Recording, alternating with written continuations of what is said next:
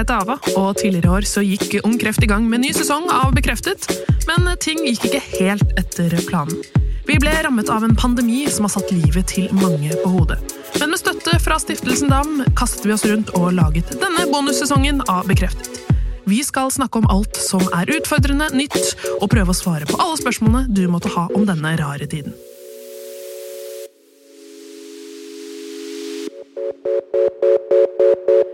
Lever i en tid der hjernen får stadig input, som mobiltelefon, TV eller for eksempel en podkast.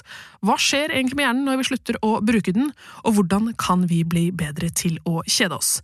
Jeg har snakket med lege Audun Mykja om hvordan man kan trene opp hjernen.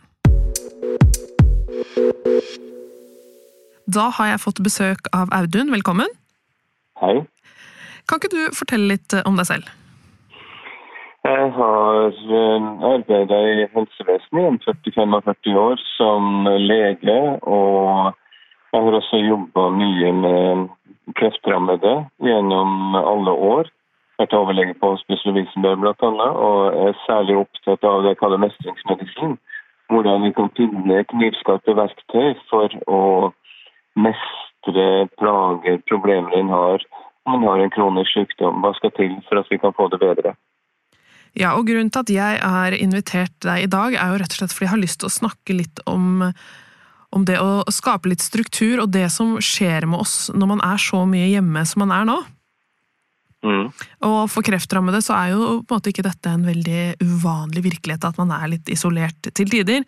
Men har du noen litt gode tips til hvordan man kan skape litt struktur i hverdagen når man er så mye hjemme?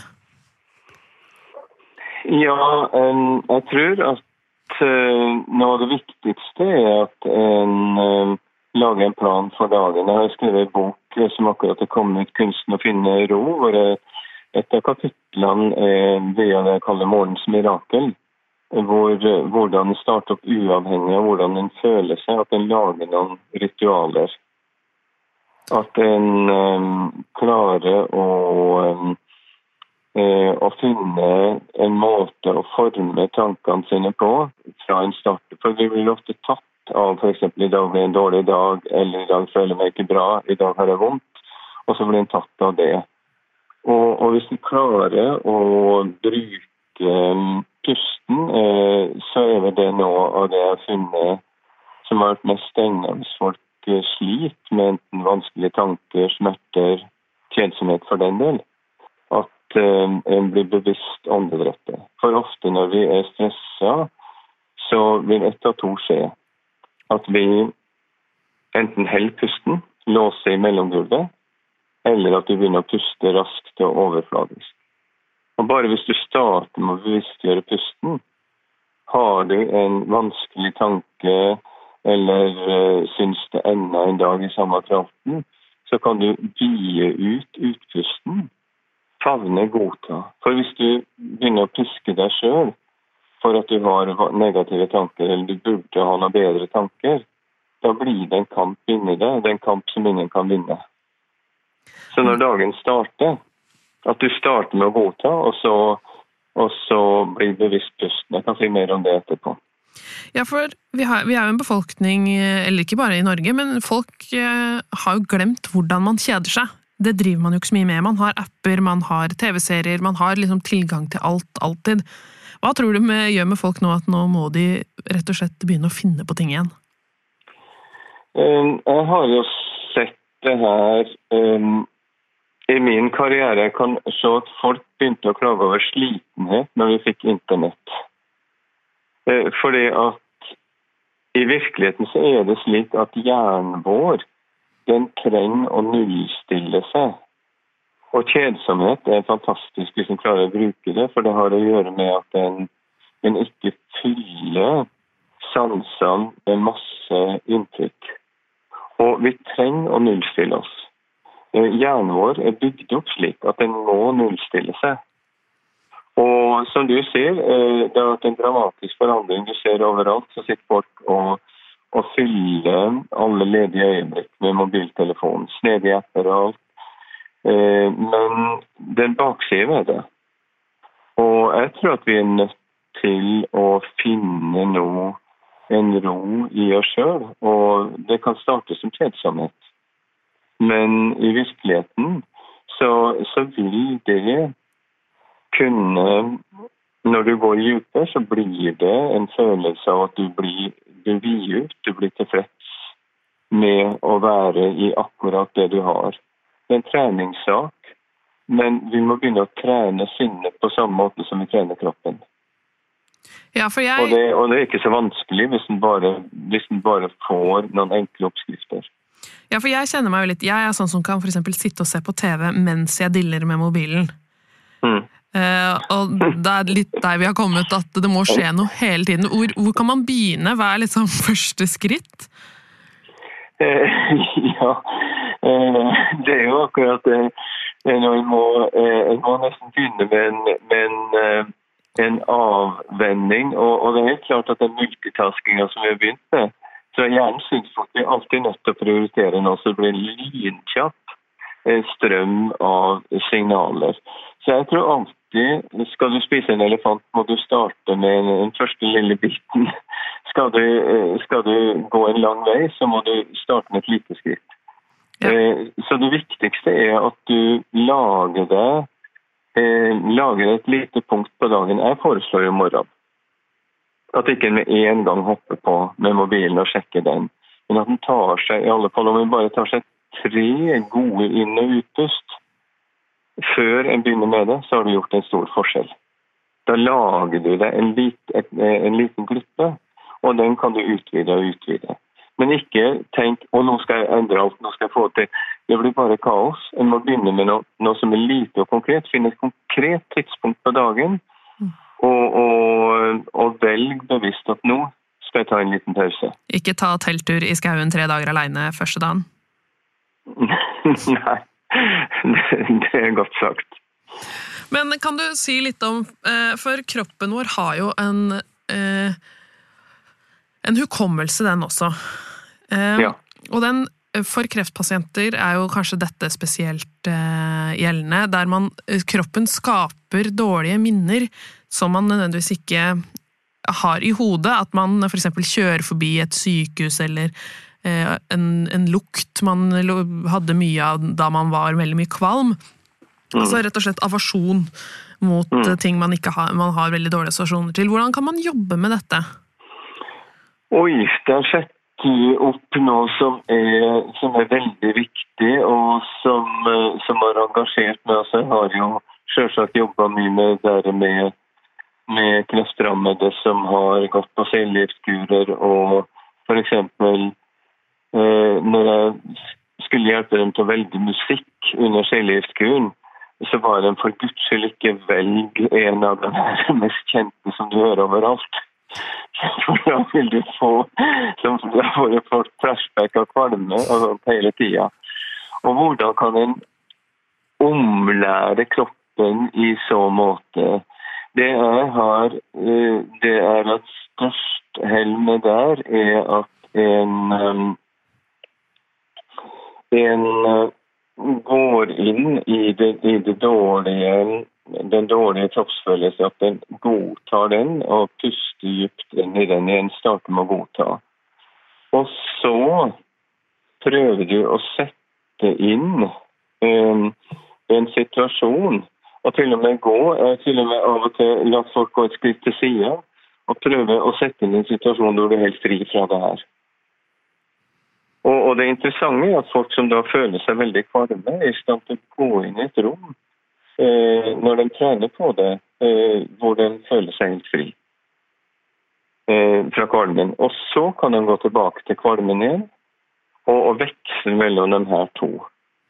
Og Det har faktisk vært, noe, det har vært den metoden som har hatt størst hell med å få til en avlæring av den beting, det kalles betinga refleks i psykologien. Og der hvor det var en russisk forsker som begynnelsen av 1900-tallet som forska på hunder som, eh, eh, hvor tennene løp i vann når de eh, så en eh, kotelett. Og så, og så, spilte han en tone samtidig med at han fikk med koteletten. Og så viste det seg senere at når hundene hørte en tone uten koteletten, så løp tennene også i vann. Så det, det er en refleks. Men den, er, den, kan være god, men den kan også være dårlig. Og mange som har vært gjennom behandling, får jo eh, slike dårlige, dårlige minner. Og det blir også del av det som sirkulerer for problemet, at det setter seg i nervesystemet, sånn at det sirkulerer den dårlige minnene som du ser den sett seg i kroppen. Og en annen måte å, å håndtere det på, er, som noen eh, får til å fungere, er å bevege seg. Nå har det vært restriksjoner på å gå ut, men det går også an å, å bevege seg, springe på stedet eller bare vogge på stedet. Men få inn kroppslig bevegelse. Det er den andre metode som mange har fått hjelp i. Ja, for Der er du og, inne på noe annet, at det er veldig mange som er hjemme eh, og kanskje ja. syns det er litt vanskelig. Hvordan kan man liksom unngå å få litt sånn kjipe assosiasjoner til hjemmet?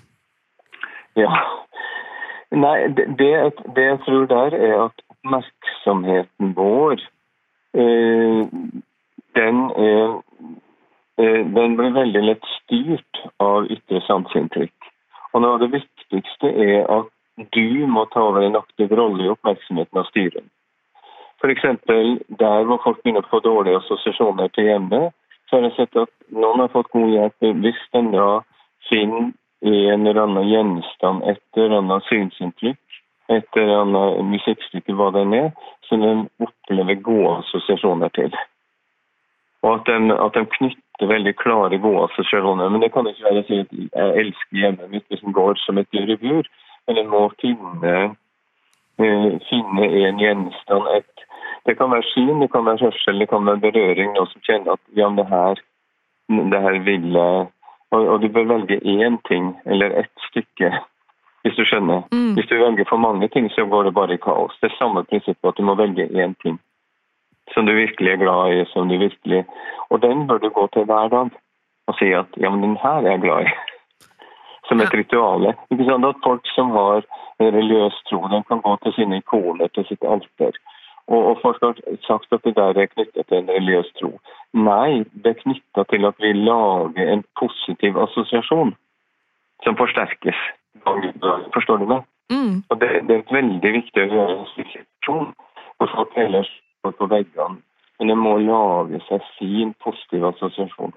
Og det må trenes inn hver dag. Ja, for hvor, hvor tilpasningsdyktige er egentlig mennesker? Jeg syns det har vært forbløffende. Uh, vet du hva, jeg har jo um, jobba mye med de aller sykeste, dem som har en kreftsykdom som, som er det vi kaller i siste fase. Og det har forundra meg hvordan mennesker da midt oppi store smerter og kvalme og det hele, har kunnet finne et punkt av frihet. Bare med å, å leite etter det. En punkt av glede som Ehm, som Trine, som hadde alvorlig kreftsykdom, fortalte meg at hun følte at de 20 årene hun var anførstein frisk, hvor var hun da? Hun gikk bare rundt og rundt i travelhet og stress og vet ikke hvor de 20 årene ble av. Men de årene med krefter klarte hun å gå inn og finne ut hva som var vesentlig. Men hver dag å trene seg på å finne f.eks. hvor finner gleden, spurte hun. Trente seg hver dag. Og det noe sånn leke være glad-leken. Må igjen som jeg sier, godta alle vanskelige følelser, godta alt. Men å leite etter den punktene. Eh, da fant jeg at uansett hvor jeg var, om vi hadde kvalmende smerter, satt fast i Vi lengta etter å kunne gå ut, men det var for dårlig. Men vi kunne alltid finne et punkt av glede. Og det har gjort et veldig inntrykk på meg. At, at det finnes i vanlige mennesker. Og det er ikke det å sette opp det her nå sånn at hvis ikke du får til det, så er det ikke bra nok. Det er ikke sånn jeg mener, men at det faktisk finnes noe i oss. En mulighet. Ja, for jeg tror det er vel mange som kanskje kjenner seg igjen i det hun sa, i hvert fall akkurat nå, at det er vanskelig å eh, Når du ikke har ansvar for ting, eller når du ikke skal huske på noe, så går hukommelsen litt sånn i lås. Ja. Eh, dagene er like. Hvis det er mye TV-serier og mye iPhone, så er det jo vanskelig å skille mandag fra torsdag. Ja. Hvordan kan man jobbe, trene litt hukommelsen når den er så lite i bruk? Vel, Det er litt å sette den i bruk. Jeg tror at vi må eh, se at det her er en fantastisk mulighet til nettopp å trene opp funksjoner som vi ellers eh, får trent automatisk uten å tenke over det. Det er derfor jeg snakka innledningsvis om det med å starte om morgenen og lage seg sine ritualer. Og, og um, lage seg sine små fem minutters ved eller sette seg ned, gi seg sjøl, eh, skape mental trening. Masse sånne snedige, små ting. Folk liker forskjellige ting. Jeg husker i barndommen så hadde jeg en sånn leik hvor du, hadde, du så på forskjellige gjenstander spredd utover. og, eh, og så dekka skulle du se på dem, og så dekka du med en klede. Og så skulle du prøve å huske ved å si hvilke gjenstander som var det, og så tok du av kledet igjen. Det er faktisk en måte du trener hukommelsen på.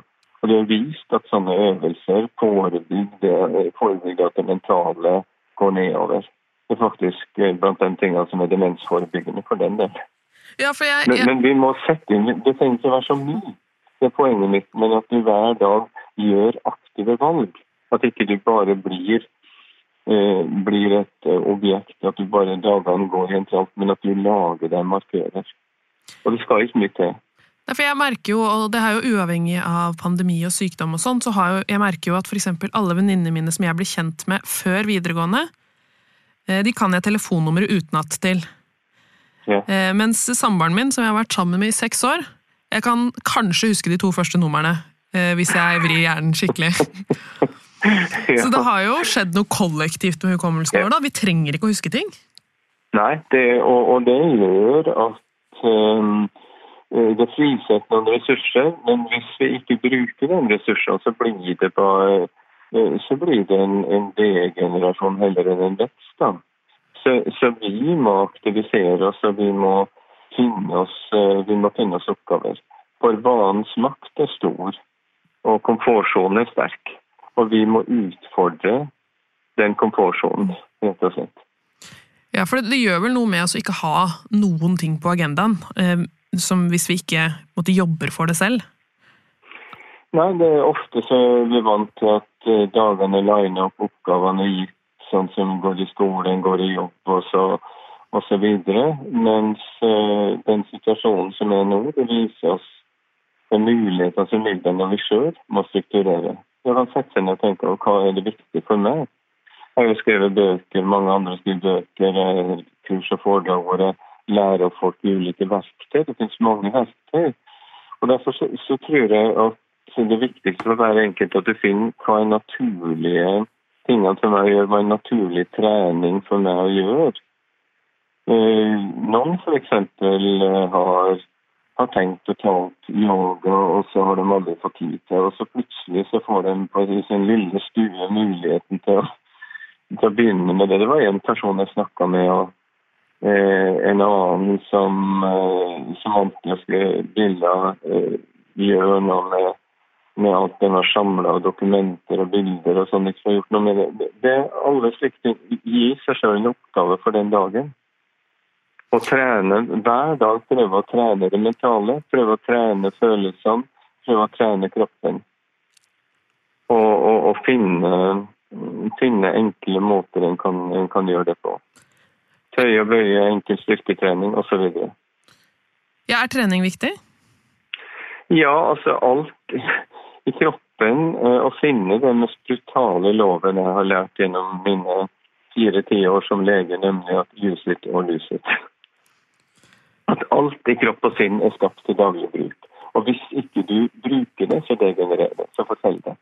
Forfall trenger ikke en drahjelp. Vi trenger ikke ha en gjest i podkasten for å lære folk å forfalle. Nei. Det klarer naturen sjøl. Ja, jeg tror nok det er mange som, som kjenner seg inn i at det, de gjør kanskje litt mindre. og, og det, En ting er jo på en måte å ha ting på agendaen, men uh, hvert fall jeg personlig var, er jo litt sånn som uh, gikk inn med liv og lyst og tenkte på alt det positive jeg skulle Alt det jeg skulle gjøre i leiligheten og alt det jeg skulle få ordna.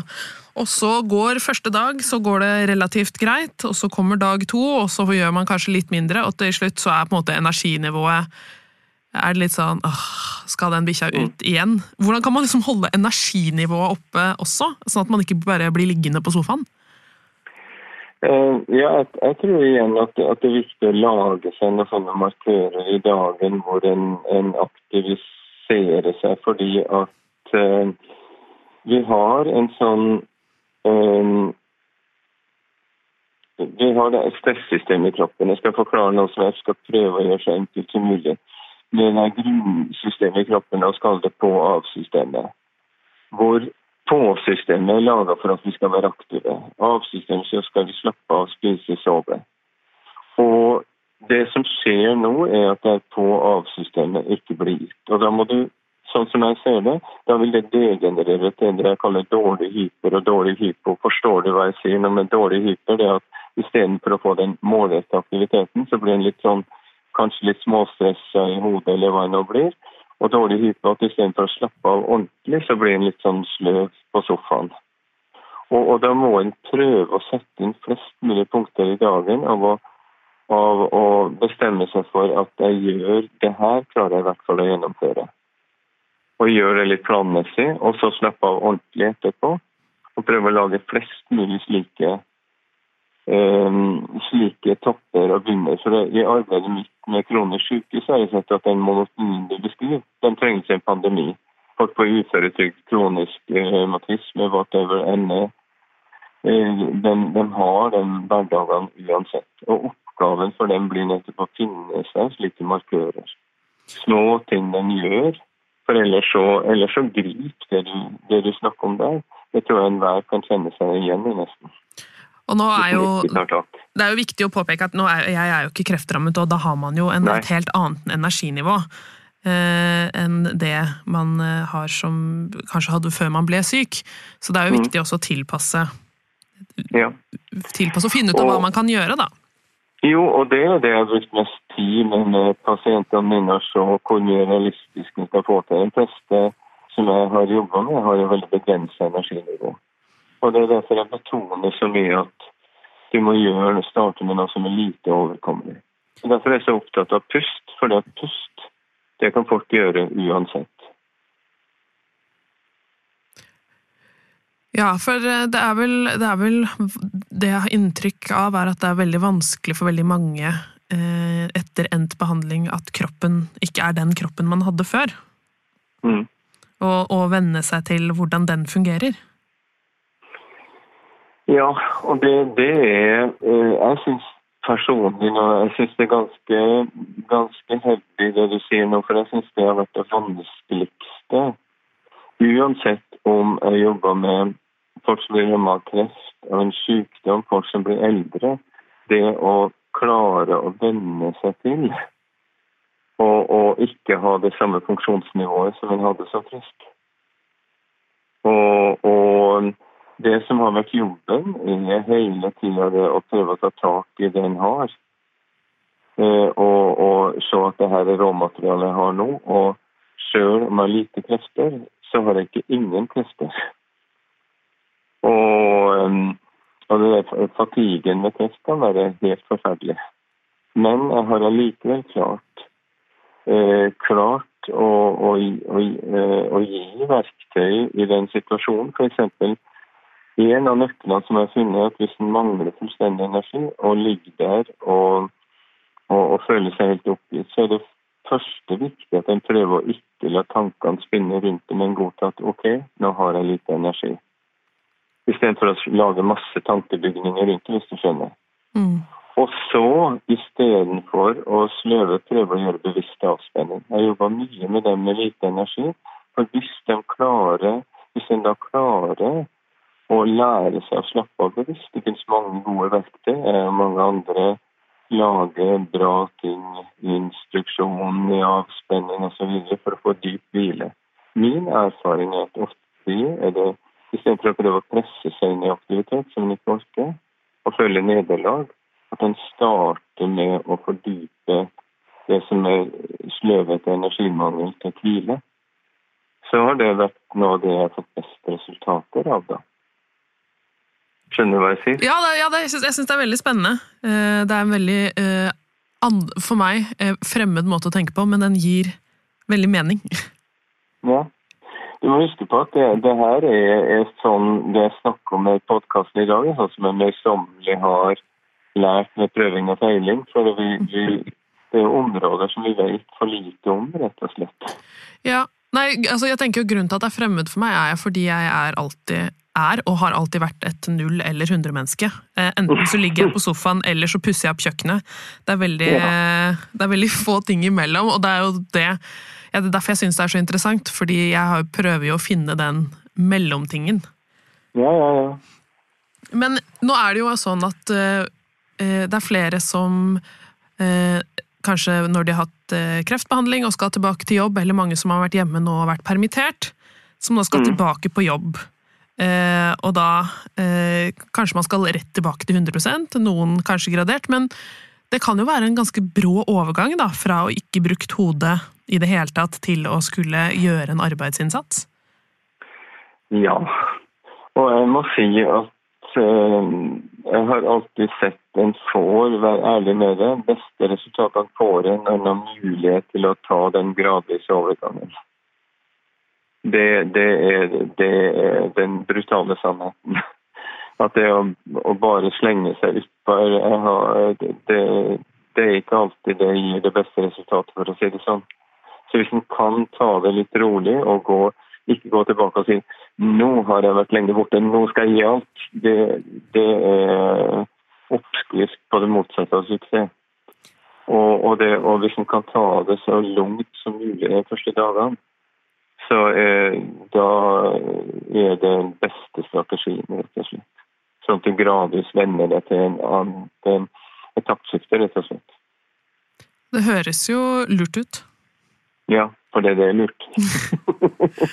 Men vi, vi, må nesten runde av. Det har gått, ja. Tida har gått veldig fort. Men har du noe du har lyst til å si til slutt? Det har vært veldig mye spennende som eh, vi har lært i dag, men eh, ja, Nei, jeg syns det Jeg har lyst til å si at jeg syns det er fantastisk å få lov til å være med og i dialogen med denne gruppa, for det er jo det brent for å kunne gi folk hverdagsverktøy som funker. Og der trenger jeg tilbakemeldinger fra deg og fra den som hører på for hele tida for å samle de beste verktøyene som kan tilpasses hver enkelt i hverdagen. Det er jo Så tusen takk. Du høres veldig fint ut. Jeg er veldig glad for at du hadde lyst til å komme. Hjertelig. Ha det godt. Ha det bra. Ha det. Tusen takk for at du har hørt på denne episoden av Bekreftet. Ny episode kommer hver tirsdag og fredag. Takk til Stiftelsen Dam, og husk at du kan lese mer om ungkreft på ungkreft.no. Har du spørsmål til noen av våre gjester eller temaer du vil høre mer om, kan du ta kontakt på Instagram, Facebook eller ava at ungkreft.no, og det er ava med W.